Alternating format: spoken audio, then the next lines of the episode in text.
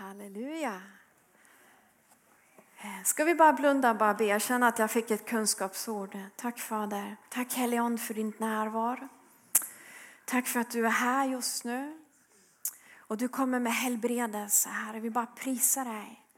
Vi bara prisar dig Helige Tack Herre att du ska förvandla liv den här helgen. Tack Herre att du ska komma med helbredelse den här helgen. Du ska komma med frälse. Du ska komma med utfrielse, Herre. Tack Gud att du kommer och förvandlar våra liv den här helgen. Jag bara prisar dig Jesus. Tack Jesus, ärans konung. Vi bara välkomnar dig, du kongernas konge. Vi bara välkomnar dig, du kongernas konge. Åh, vi bara upphöjer dig Jesus. Halleluja. Tack för vad du gör just nu. Tack för vad du gör just nu. Jag bara känner som salvelse för helbredelse här. Jag bara kände att det bara kom in som, som en vind under lovsången här på slutet. Halleluja, tack för att du helar. Du helbredar sjuka kroppar Jesus. Åh, vi bara prisar dig Jesus. Jag tror att jag fick ett kunskapsord om, om eh, att någon har problem på höger sida i magen. Jag vet inte, jag sa till Åshild, vad är det för organ som sitter här? Men om det är blindtarm eller det kan vara nyre eller någonting sånt också. Om det är någon som känner igen sig på det så kan du bara ta emot. Eh, om du har problem här, om du har ont, så bara ta emot ditt helande just nu. Tack Herre. Fader, jag bara löser ut helande i Jesu namn. Jag bara löser ut helande i Jesu namn. Jag talar helande över blindtarmsproblemer, njurar Jesus. Halleluja. Tarmfunktion Jesus. Tack för att du helbredar just nu. Bara bryter verka, bryter smärta just nu i Jesu namn. Halleluja. Vi bara prisar dig. Halleluja.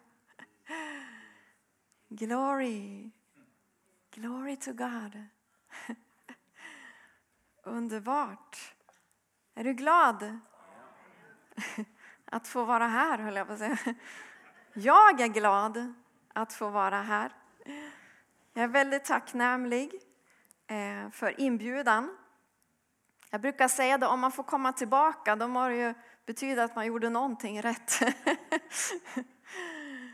Så tusen tack för inbjudan vidare och ledarskapet här. Det är en väldigt stor glädje att få vara här.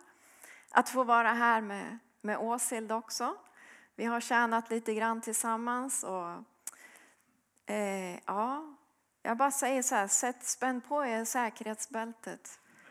När Åshild är i huset och Jesus, då vet man aldrig vad som kan ske. Underbart. Vi fokuserar inte på människor, men vi hedrar varandra. Är inte det bra? Ja. Jag är väldigt tacksam för vänskapen med Vidar. Eh, vi har ju connectat lite genom bibelskolan. Eh, och det är så kul för varje gång som jag möter dig Vidar så tänker jag på min bror. för du är så lik min bror. Jag måste visa en bild. Så jag får så här brodersvärme liksom när jag ser Vidar. Ja, underbart. Jag måste bara säga vilka lovsångare ni har. Va? Vilka musikaliska gåvor. Ja.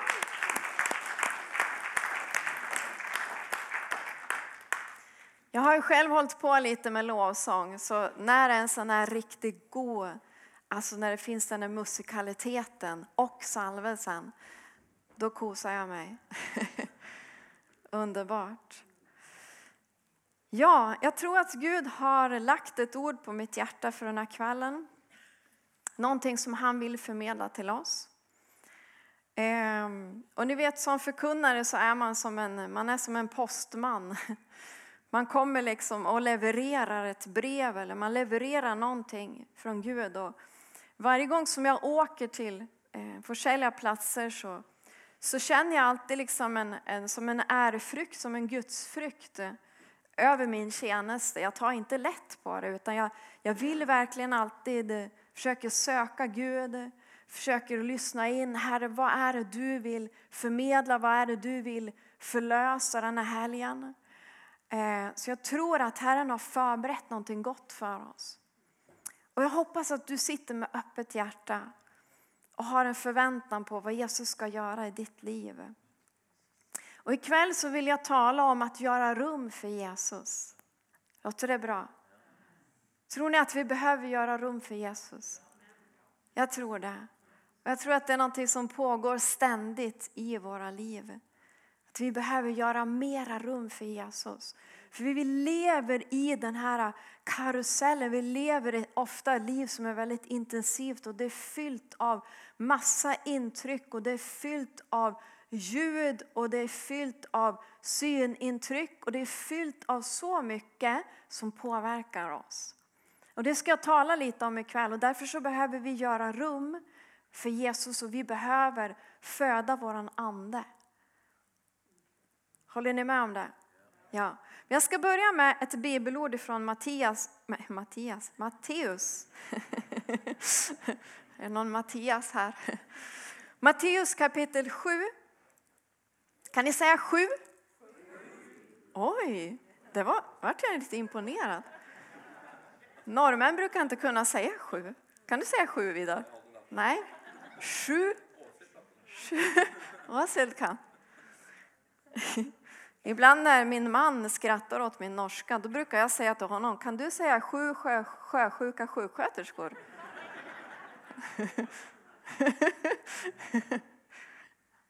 Träna på den. Okej, nu ska vi fokusera här på Guds ord. Vi läser från kapitel 7 och från vers 7.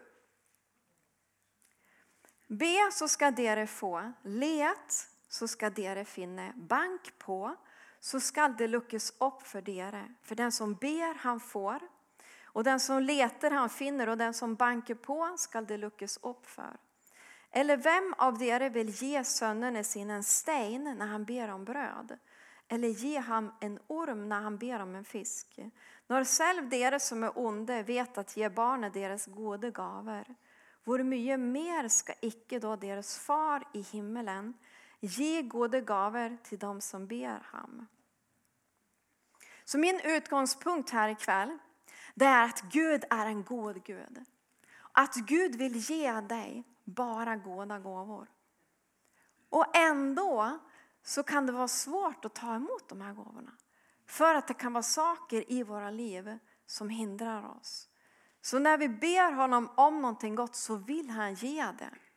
Men det kan finnas hinder. Så vill jag också gå till Matteus 6 och 33. Och den versen känner ni säkert till om du är van att läsa Bibeln. Så står det, sök först Guds rike och hans rättfärdighet så ska dere få allt det andra i tillägg. Så här vet vi att vi tänker att söka Gud, vi tänker att söka hans rike först. Att sätta honom först. Och det är någonting med att söka honom. Och Bibeln, genom hela Bibeln så är det som att Gud han har kastat bollen till oss. Han har sagt att jag har gjort allting redan, nu ligger det hos dig. Om och om igen så har vi de här bibelorden som manar oss att söka, att, att banka på, att komma nära. Han säger om du drar nära mig så kommer jag nära dig. Eh, han säger kom till mig du som är trött och bördor och så vidare. Om och om igen. Och det är som att han, liksom, han kastar bollen till dig. Och då behöver vi ta emot den. Okej, okay, jag behöver göra någonting. För Jesus han har redan gjort allt för oss. Och då tänker jag så här, men hur söker vi Jesus då? Ja, det är så här att vi består av ond, själ och kropp. Eller hur? Och det är genom våran ond som vi connectar med Gud. Det är genom våran ond som vi kan söka Gud. Det är genom våran ond som vi kan ha fällskap med Gud. Och Anden tränger hälsosam mat. Precis som vår kropp tränger hälsosam mat för att må bra. Och vi vet att det jag äter det påverkas kroppen av. Och jag måste äta varje dag för att få näring. Annars blir jag trött och, och kroppen utmattas. Vi behöver dryck, vi behöver föda. Och det är samma sak med onden. Och då tänkte jag att vi ska gå till Galaterbrevet eh, kapitel 5 och vers 16.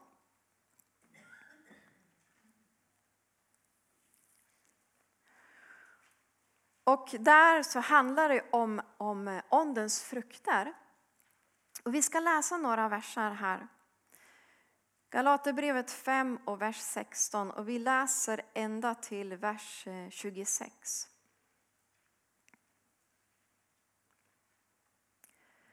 Jag säger dere, lev ett liv i onden. då följer dere icke begär i mänskets kött och blod. För köttets begär står emot onden, och ondens begär står emot köttet. Dessa ligger i strid med varann, så dere icke kan göra det dere vill. Men blir dere drevet av anden är dere icke under loven. Det är klart vad slags gärningar som kommer från köttet. Hor, umoral, utsägelser, avgudsdyrkelse, trolldom, fiendskap, strid, jalusi, sinne, självhävdelse, stridighet, splittelse, missunnelse, fyll, fästing och mer av samma slag. Och jag har sagt det förr och jag säger det igen. Det som driver med slik ska icke arve Guds rike. Men åndens frukt, frukt är kärlighet, glädje, fred, överbärenhet, vänlighet, godhet, trofasthet, ydmykhet och självbehärskelse. Slike ting rammes icke av loven. Det som hör Kristus till har korsfästat köttet med dess lidelser, med dess lidenskap och begär. Lever vi vid onden, så la oss också vandra i onden. La oss icke vara drevet av tom ärgärighet, så vi utfodrar och missunnar varandra. Okej, okay, nu ska vi försöka bena isär här. Nu ska, nu ska pedagogiska Marita komma fram. Det här ordet tycker jag är väldigt speciellt. När Paulus säger lev ett liv i onden Då följer det icke begäret i mänskets kött och blod. Och ändå så vet vi många att, det, det, att vi dras. Paulus säger att vi kan leva i anden. På svenska står det vandra i andan. Det måste betyda, om han har sagt det, så måste det betyda att det går att göra det. Men samtidigt så säger han att köttet och onden strider mot varann. Och då tänkte jag så här, vad är lösningen? Okej, okay, nu ska vi se om jag kan illustrera det här. Det här blir spännande. Det är första gången jag gör det här på ett möte. Men... Okej, okay, vi består av ond, själ och kropp. Inte sant? Så då ritar vi onden här. Nu är det här en stor sal, men ser ni? Ja, egentligen skulle jag gjort en så här fin powerpoint, men jag är inte något bra på det. Så då, då blir det så här istället. Och så har vi själen här. Och så har vi eh, kroppen, eller det Bibeln kallar för kött. Det har varit en fin blandning av norska, norska och svenska, men det går bra.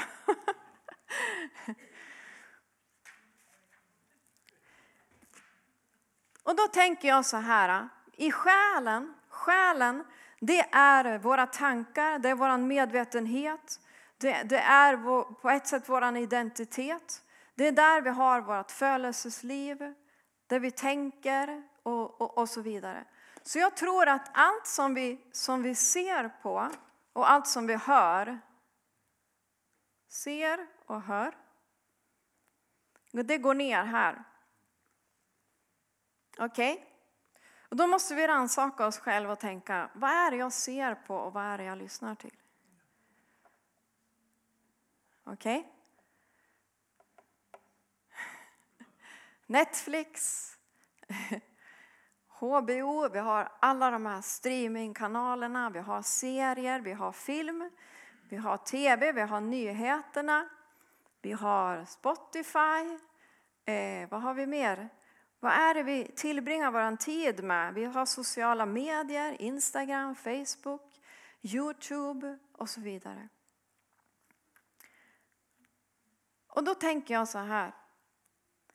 Det som du ser här och det som du hör på, det är antingen så är det influerat av Gud eller så är det influerat av djävulen. Och jag vet inte om det finns något mellanting där. Men det har olika påverkningsgrad. Okej? Okay? Så det som är influerat av Gud, eller vi, vi börjar med det negativa. Det som, är som inte är influerat av Gud, som jag tittar på, som jag matar mig med, det går in här i min själ. Och så föder det mitt kött. För att onden, det är som att vi matar onden. Men vi matar också köttet. Och det vi matar, det lyfts upp till ytan i våra liv. Det är det som, som blir ofta tyngdvikten. Så allt det negativa jag tittar på, det matar mitt kött. Och så har vi här då allt det som han räknar upp. Han, han talar om jalusi och sinne och, och, och fyll. Och vi kan ju tycka att ja, men det där är liksom väldigt extrema ord. Men det är ändå saker som drar oss ner och som påverkar oss på olika sätt. Men då om vi istället väljer att titta på sånt som är influerat av Gud, då, då matas ju anden. Och då, vad är det som kommer här? Här kommer ju, här kommer ju fred, här kommer andens frukter. Fred, glädje, kärlek, kärlighet. Jag vet inte hur man stavar det på norska, så vi tar det på svenska. Jag är inte så god på att skriva på norsk. Så här har du och jag har ett valg att ta varje dag. Och då tänker jag så ja men Marita, ska jag sluta titta på allting som inte är kristet? Nej, det är inte det jag säger. Men om man, jag tror att det här som jag talar om nu, jag tror att det är en av anledningarna till att så många sliter med depression, med angst, med, med, med mareritt, med, med missmod, med allt detta. För att allting som vi tar in, det hamnar någonstans. Du tar in det genom din själ och antingen så matar det din syndfulla natur som egentligen är korsfäst, som är korsfäst med Kristus. Eller så matar det din ande. Och det är här vi behöver mat. Det är här vi behöver mat. Så varje dag så har du en möjlighet att mata din ande. Varje dag så kan du välja att se på bra undervisning på Youtube. Du kan välja att lyssna på, på stark lovsång på Spotify. Du kan välja att gå till Guds ord. Det handlar också om vad vi läser. Allt det vi ser, allt det vi hör, det påverkar oss. Och när Paulus säger så här, jag ser er, jag ser er, lev ett liv i onden. Då följer er icke begäret i mänskligt kött och blod. För att när du matar din ande, då tar den över. Okej, okay? är ni med? Då är det det som blir det dominerande i ditt liv och andens frukter börjar växa i ditt liv. Så när du lägger dig på kvällen, istället för att du har sett på, på, på någonting som väldigt, faktiskt påverkar väldigt negativt. Okej, okay, nu ska jag vara så här moraltant. Men, men handen på hjärtat, det vi tittar på, och jag också ibland, alltså det är väldigt lite av de här ofrälsta serierna som har någonting överhuvudtaget att göra med det Gud säger. För ofta handlar det om, eh, det handlar om sex utanför äktenskapet. Det handlar om att hämnas. Det handlar om högmod. Det handlar om att förverkliga sig själv. Det handlar om, om allt egentligen som går emot Guds ord. Om vi börjar analysera, vad är det jag matar med mig? Och jag hoppas att jag inte trampar på för ömma tår här ikväll. Eller så kanske det är det jag ska göra. Varför vill jag tala om det här? För att jag ser att det är så många människor som sliter, kristna människor, som sliter med sitt mående. Och nu vet vi, självklart så finns det andra anledningar till också att man sliter med sitt mående. Självklart, det vet vi. Men det här, det här är viktigt tror jag.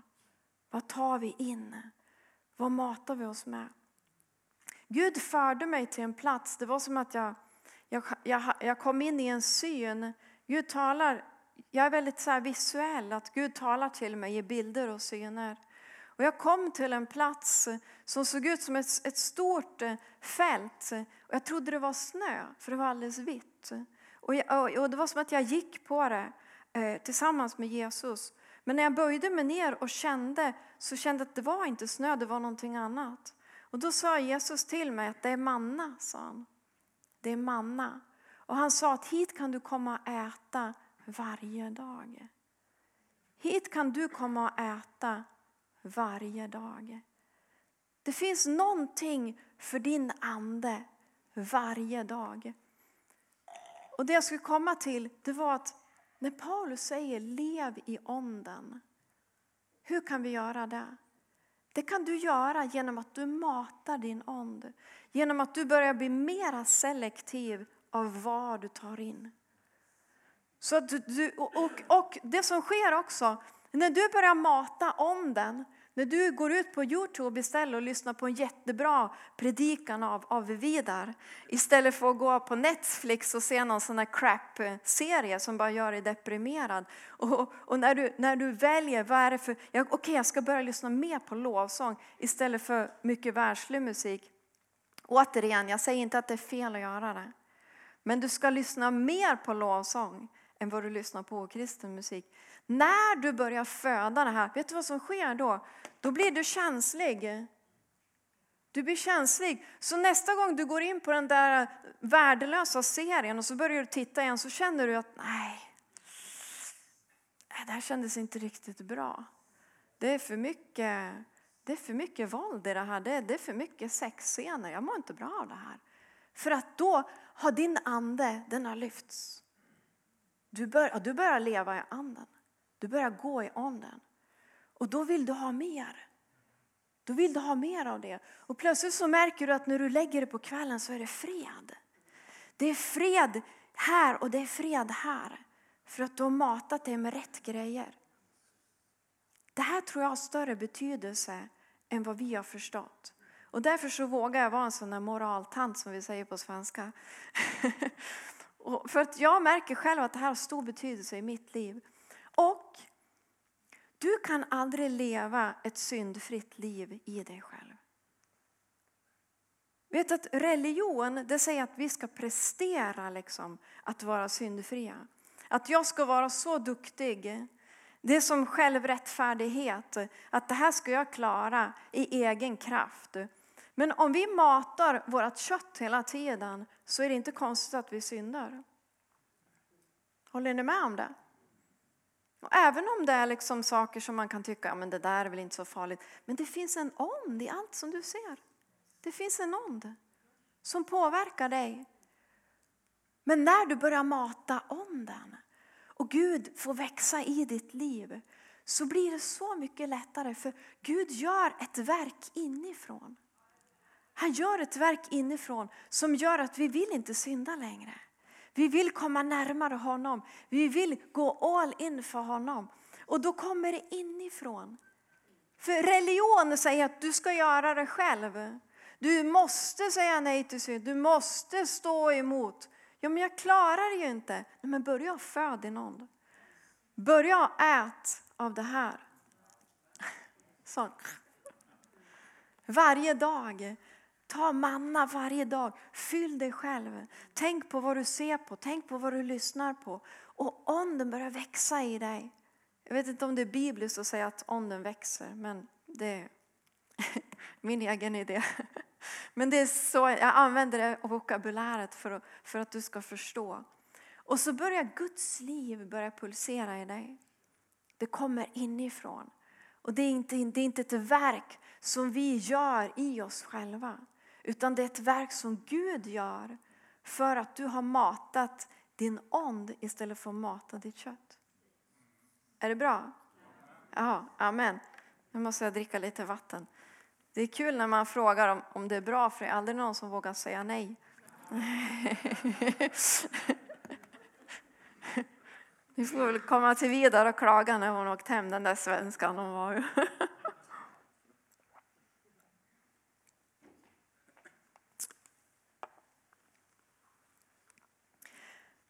Så när vi föder våran ande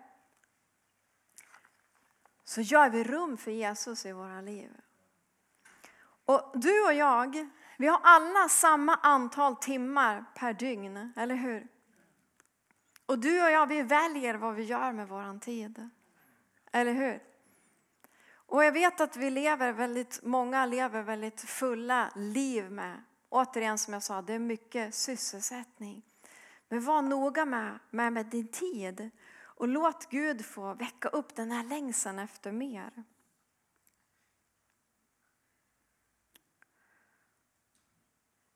Jag tänkte på det som, som står i Jeremia 29 och 12. Vi kan gå till eh, det, Jeremia kapitel 29. Och vi läser från vers 12.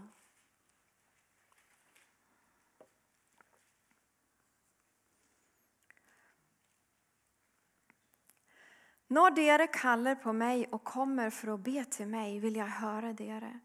Dere ska söka mig och dere ska finna mig. När dere söker mig av ett helt hjärta, la jag dere finna mig, säger Herren.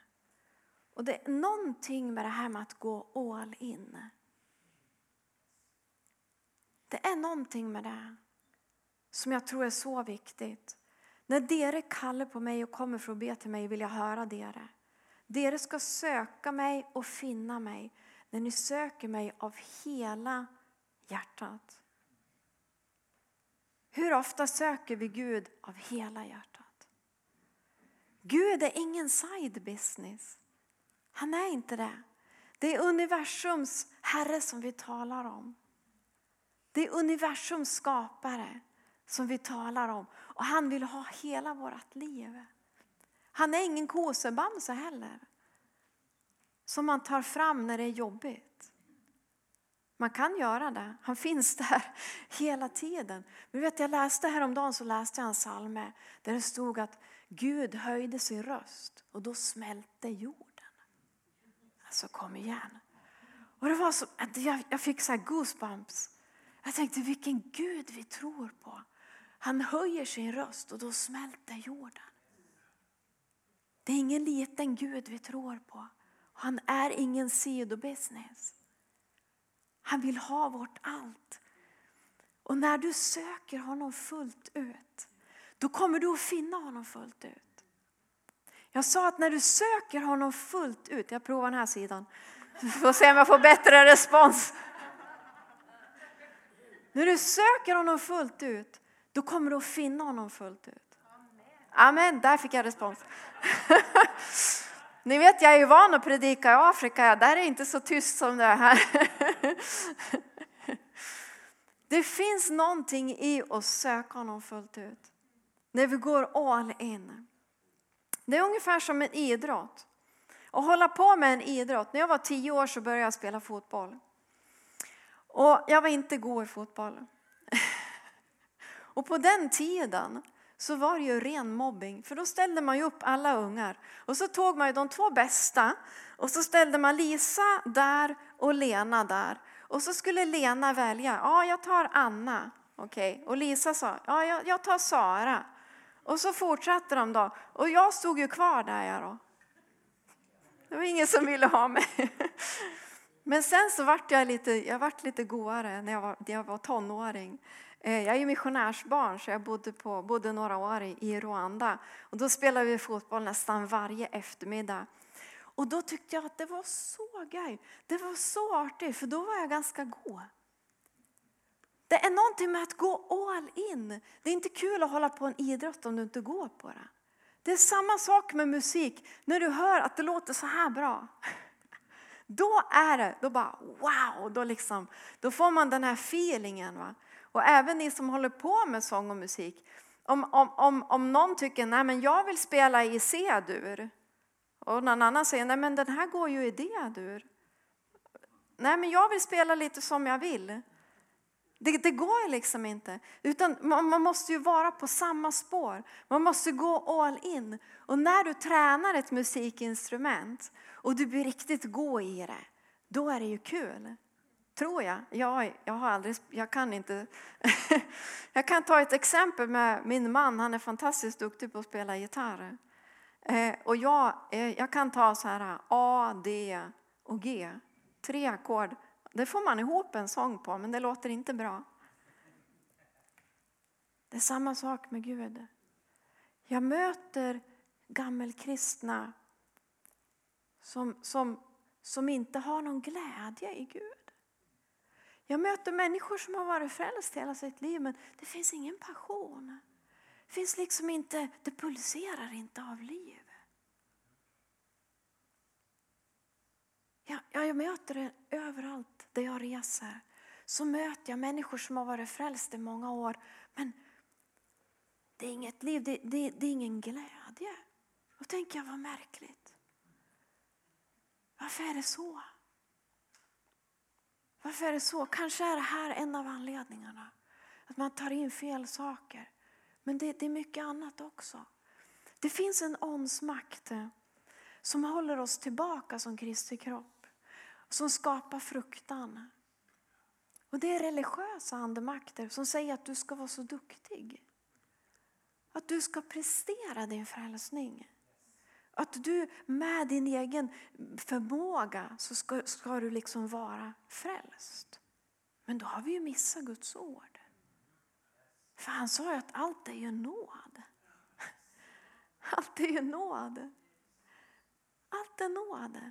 Det finns andemakter som gör att människor blir rädda när Gud kommer med sitt närvaro. För man tror att det är någonting annat. Och så stänger man till. Och så, och så kommer inte den där glädjen kommer inte rakt in. Den, den där glädjen ifrån Gud den kommer inte ända in. För att man håller tillbaka. För att man är lite rädd, man är lite osäker, man vill inte släppa kontrollen. Men då vill jag fråga så här. Vem känner dig bäst? Gud eller du? Gud. Gud känner mig bäst. Så varför ska jag då vara rädd när jag är i Guds hus? Varför ska jag då känna frukt och känna att jag håller tillbaka? När jag är här i Guds hus. När jag är här i en, i en, en sund och fantastisk menighet med, med en, en stark och härlig pastor.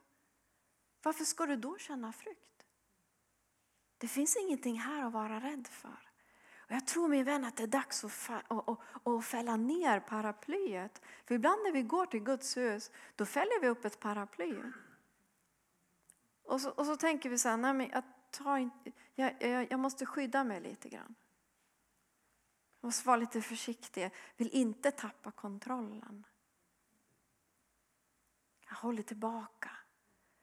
Och så länge du håller kontrollen så kan inte Jesus komma till på det sätt som han vill. För han vill komma ända in. Han vill att vi fäller ner paraplyet. Så vill han att vi är som barn och säger Jesus, mer av dig. Mer av dig Jesus. Mer av dig Jesus. Mera glädje. Mer, är det någon som känner att jag har redan jag har för mycket, jag har för mycket glädje och fred? Jag har för mycket kärlighet och, och tålamod och mildhet och godhet. Det, det är för mycket. Är det någon här? I så fall vill jag prata med dig efteråt.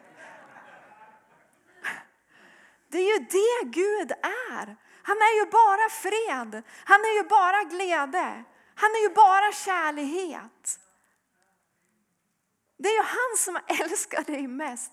Varför ska du då sitta med ett paraply när du går till kyrkan? Ska vi fälla ner paraplyerna ikväll? Ska vi fälla ner dem den här helgen? Och bara låta Gud göra det han vill. Och vet du, det handlar inte om att du ska liksom ligga på golvet och skrika och bete dig konstigt. Ja, Gud kan ju komma på det sättet också. Men, men det är inte liksom fysiska manifestationer jag pratar om. För vi kan, ju stå, vi kan ju använda ett språk som ser jättefint ut i kyrkan. Som åh det ser så bra ut, hon lyfter sina händer. Det är inte det som Gud är intresserad av. Han är ju intresserad av hjärtat. Sen är det ju härligt att lyfta sina händer och det är ju bibliskt. David pratar ju mycket om det. Jag vill lyfta mina händer inför dig Gud. Men det är inte, det, det är inte de yttre manifestationerna som jag pratar om. Det är hjärtat. Bara ge honom allt. Bara ge honom allt. Halleluja. Jag blir i alla fall salig av det här.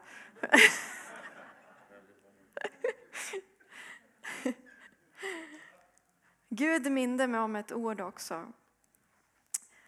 Nu vet jag inte hur länge jag har hållit på här. Nu tappar jag bort tiden. Men jag ser när ni börjar somna. Men vi ska snart gå ner för landning. Men det var någonting som Herren också talade till mig om. Och det är från Domarboken.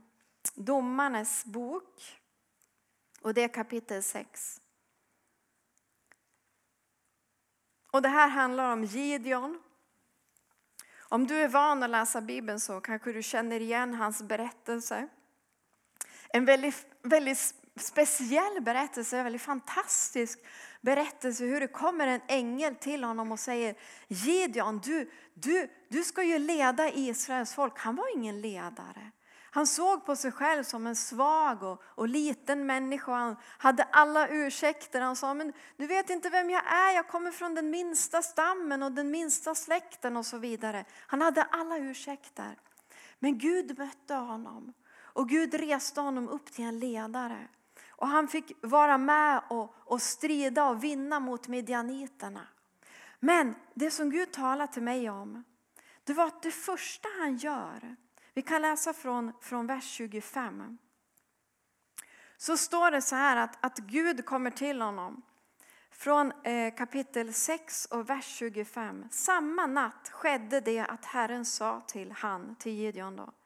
Ta den unge oxen till din far, den andra oxen som är sju år gammal och riv ned altaret för Baal, det som din far har och hugg ned Ashera pärlen som står vid sidan av det. Du ska bygga ett alter för Herren din Gud på toppen av denna fästingen, slik det är förordnat. Och ta den andra oxen och bära den fram som brännoffer med veden från Asherapärlen som du ska hugga ned.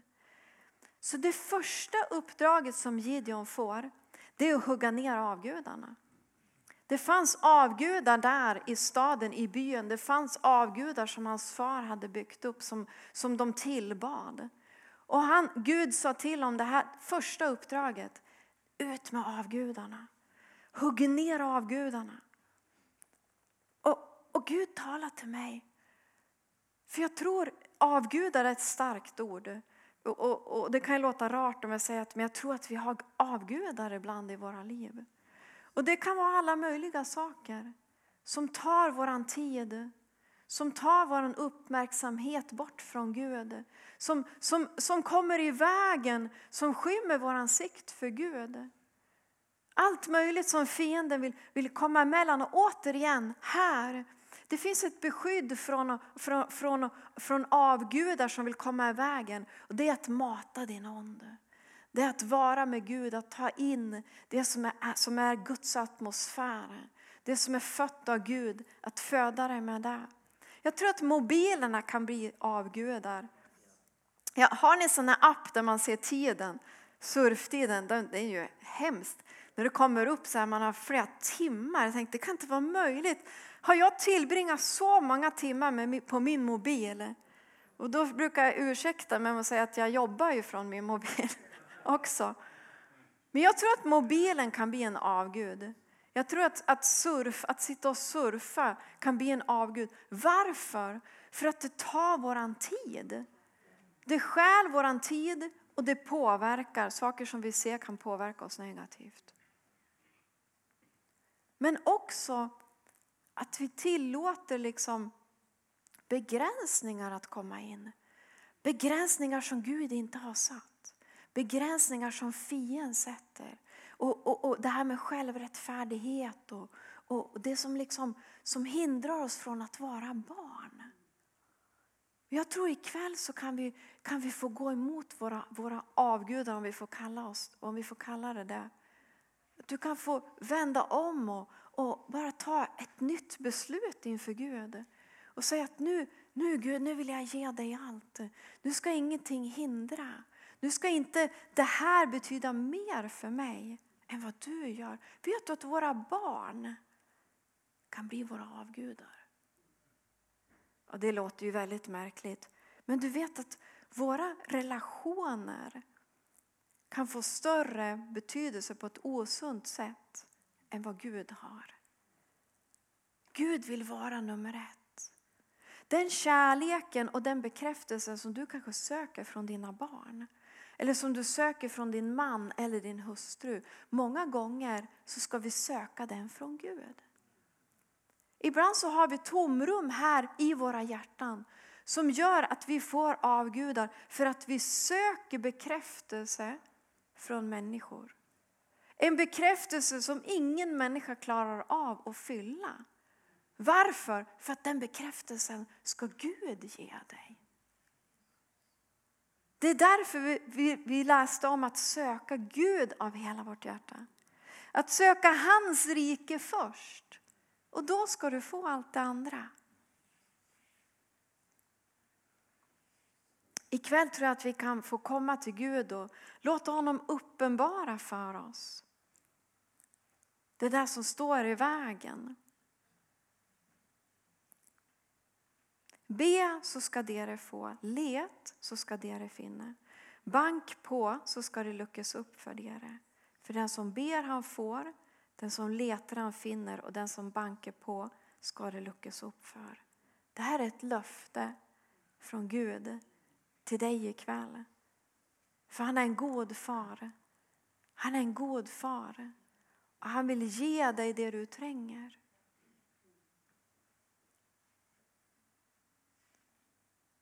Jag tror vi ska ta och be lite grann. Så ska vi se vad den helige Ande vill göra.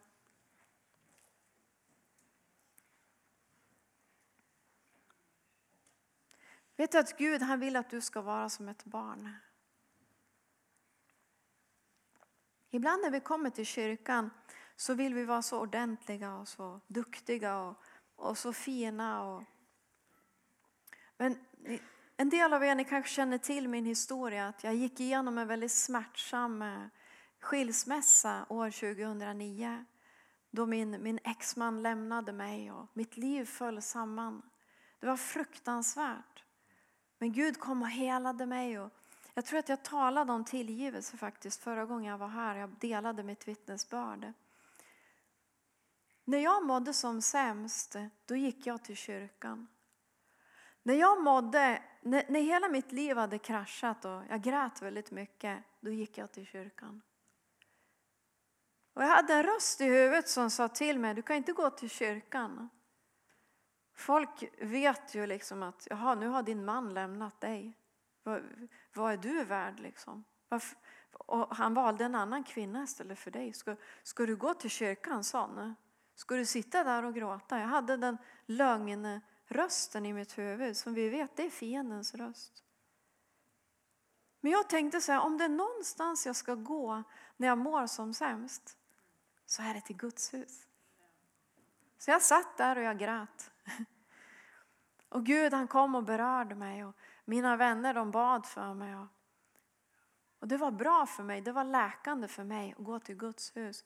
Vet du, du ska inte komma hit och hålla en fasad uppe att allting det är så bra. Halleluja. Alla dagar är inte halleluja. Nej, jag tror det var Flexnes som sa att det är lätt att säga halleluja men det är svårare att göra det. Alla dagar är inte halleluja. Och vet att du ska komma hit och så kan du säga till dina kristna syskon, det är jobbigt nu. Det är slitsamt. För livet är slitsamt. Livet är tufft. Och jag tror att, att det här är ett profetiskt ord eh, till dig och mig ikväll. Att det är dags att bara ta, ta ner fasaderna. Vara som barn, vara ärliga, vara som en familj. Vi är en familj. Vi Kristi kropp. Vi är till för att be för varann, välsigna varann. Och det är ingen som pekar finger åt någon. Jaha, är du frånskild? Jag kunde ju själv känna det, känna mig nedvärderad. Men det som var så märkligt var att efter att jag hade gått igenom den här skilsmässan så kom Gud och kallade mig till förkunnare. Det I vår värld så går inte det ihop. Jag sa till Gud, varför tar du inte en kvinna som har allting på ställ? som, som det ser så bra, som, som, som är bra, liksom, ordentlig och, och duktig och, och får det här med familjepusslet att gå ihop. För jag lyckades ju inte. Men Gud han tänker ju inte så. Han tar ju det som är brutet och så helar han det. Amen. Halleluja. Halleluja. Den här platsen, det här, det här är en barnehage. Nu blir Vidar orolig här. Åh käre tid, hur ska det här sluta? Ska de vara som barn allihopa? Jag tror att det är någonting, vi kan skratta och skoja om det, men jag känner en andlig skärpa över det jag säger just nu. När du kommer hit ska du vara som ett barn. Du behöver inte vara ordentlig. Du behöver inte vara präktig. Du, du, du kan inte frälsa dig själv. Vi behöver lämna vår självrättfärdighet. För det är genom honom är jag rättfärdig. Genom Jesus är jag rättfärdig. Halleluja. Oh, nu måste vi be.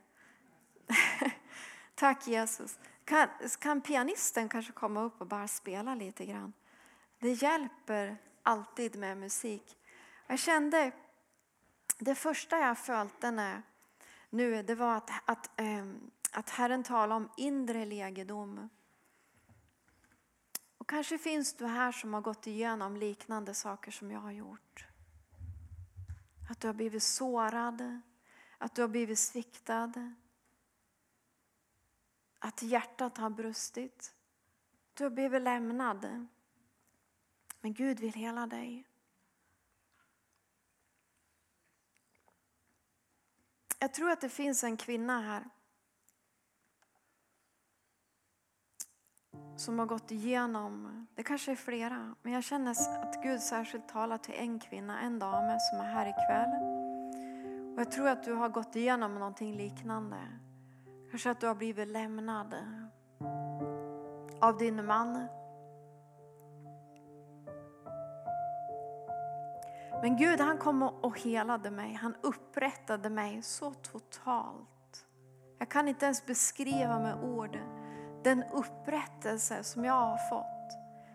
Att jag kan tänka på allt som jag har gått igenom och det finns ingen smärta kvar. För att Gud har läkt mitt inre. Och jag känner att Herren säger till dig att på samma sätt som jag blev helbredad i hjärtat ska han helbreda dig. Så jag vill bara be för det. Ska vi bara böja våra huvuden och bara lucka våra ögon. Jag skulle vilja att du som kände igen dig i det här kunskapsordet, du kan få räcka din hand. Ska vi allihopa bara böja? Det var en här. Är det någon mer? Det är två. Halleluja. Jag ska bara be för er. Också om du känner att ditt hjärta har, har smärtat och brustit av andra anledningar. Om du bara vill räcka din hand så kan jag be för dig också. Ja, det är flera händer som går upp här. Tack Jesus. Herren ser din, din hand. Tack Jesus. Tack Jesus. Tack Jesus. Tack Jesus. Tack Jesus. Tack Jesus. Tack Jesus.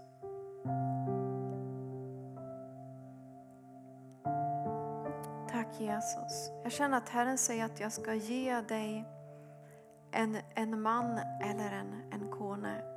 Jag upplevde också att det fanns någon som längtar efter att få träffa någon att det också är en hjärtesorg som du bär på.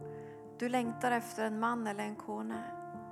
Jag bara hörde helig ande säga att jag ska ge dig din man eller din kone. Så Fader, vi tackar dig för att du är en Gud som helbredar oss. Ska vi bara lägga, bara allihopa, kan vi bara lägga vår hand på hjärtat? Oavsett om du tränger helbredelse eller inte. Så Fader, jag ber för våra hjärtan. Jag ber för våra hjärtan, Herre. Jag tackar dig för att du kommer med helbredelse just nu. Just nu, Gud. Så helar du hjärtan, Herre. Jag bara talar in helande i ditt hjärta just nu. Just nu så bryter jag sorg. Någon som har burit på sorg länge. Du kan frånsäga dig din sorg och bara ge den till Jesus ikväll. Du kan bara säga där du sitter, jag ger min sorg till Jesus. Du bara, bara ge den till Jesus. Han har tagit din sorg på korset, han har naglat din sorg på korset.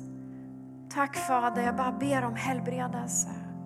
Över varje brustet hjärta, Herre. Över varje sårad själ, Jesus. Jag bara prisar dig Fader. Tack Herre att du kommer med helbredelse på djupet Jesus. Och du går in i de lukta rummen Herre. Och du, du bara fyller Herre med din salveolja. Med din helande salveolja Herre. Låt det bara rinna djupt in i våra hjärtan, in genom våran själ. Och du helbredar Jesus och du upprättar. Och du gör en ny väg. Du som känner att det är så slitsamt och jag vet inte hur jag ska komma vidare. Gud gör en ny väg. Gud är proffs på att göra nya vägar. Vi kan tycka att jag vet inte, jag vet inte vilken rättning jag ska gå. Gud ska göra en väg för dig. Tack Jesus. Tack Jesus. Tack Jesus. Jag upplever också att du finns här som sliter med synder. Det är någonting i ditt liv som bara återkommer och återkommer och du blir inte av med det. Och du, du vill inte ha den här synden, men du kan inte bli fri i den. Jag upplever att det här ordet som jag delade ikväll om, att mata sin ond istället för att mata sitt kött, det ordet är till dig.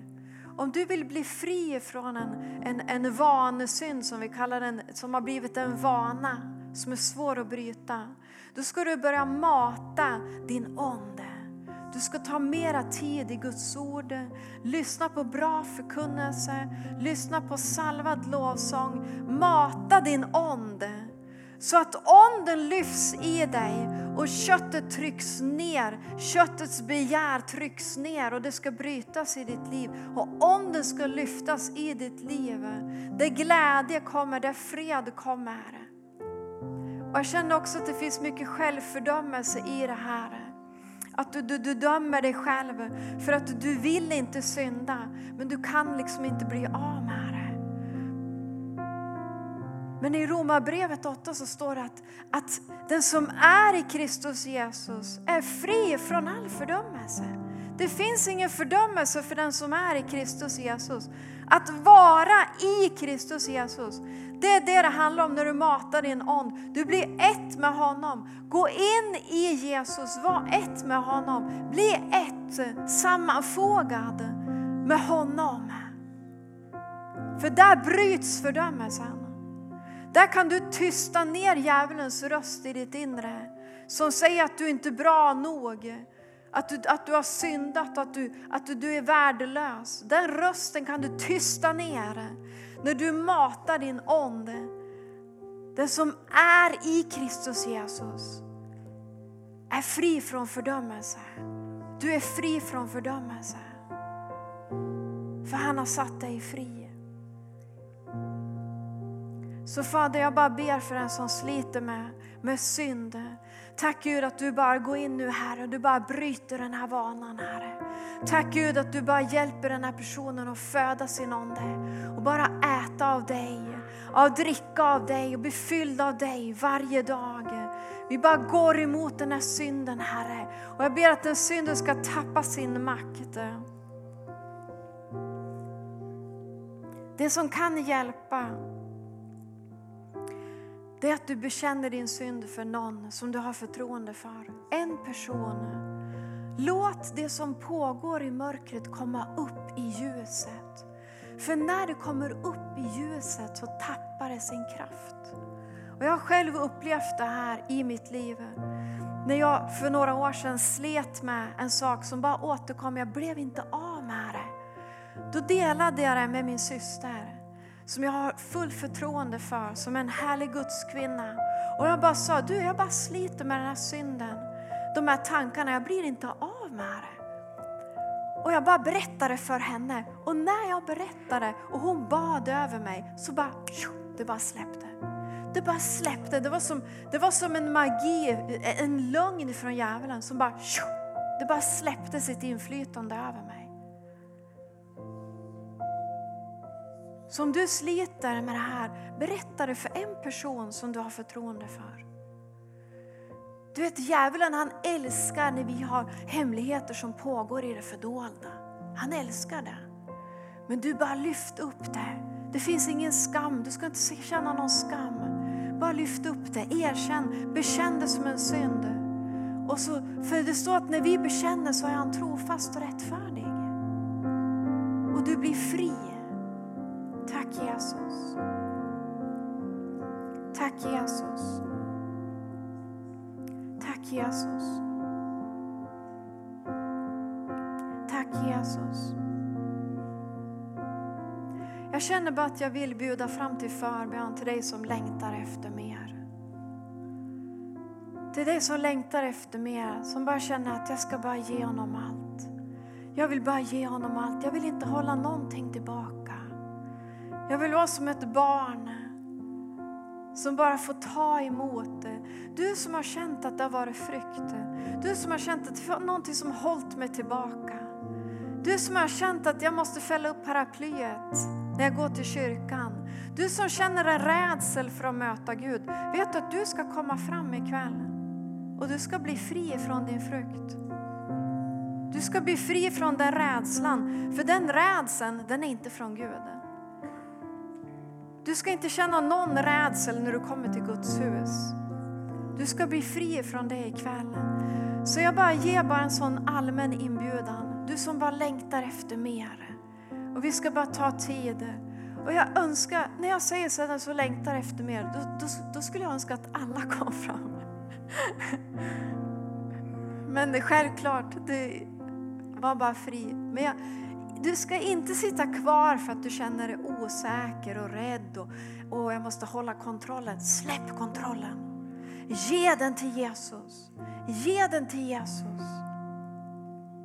Nu har jag pratat mycket och länge, men nu ska jag vara tyst. Och nu ska vi be. Och kanske kan vi ta eh, att lovsångarna sjunger under tiden. Och nu bara, välkommen fram. Bara du kan sätta dig om det känns mer bekvämt eller stå. Åshild är med och ber. Och vi har förebedjare här i församlingen. Så bara välkommen fram. Givetvis om du har andra behov också så ska vi ta tid i förbön och vi ska låta Gud få göra det han vill göra.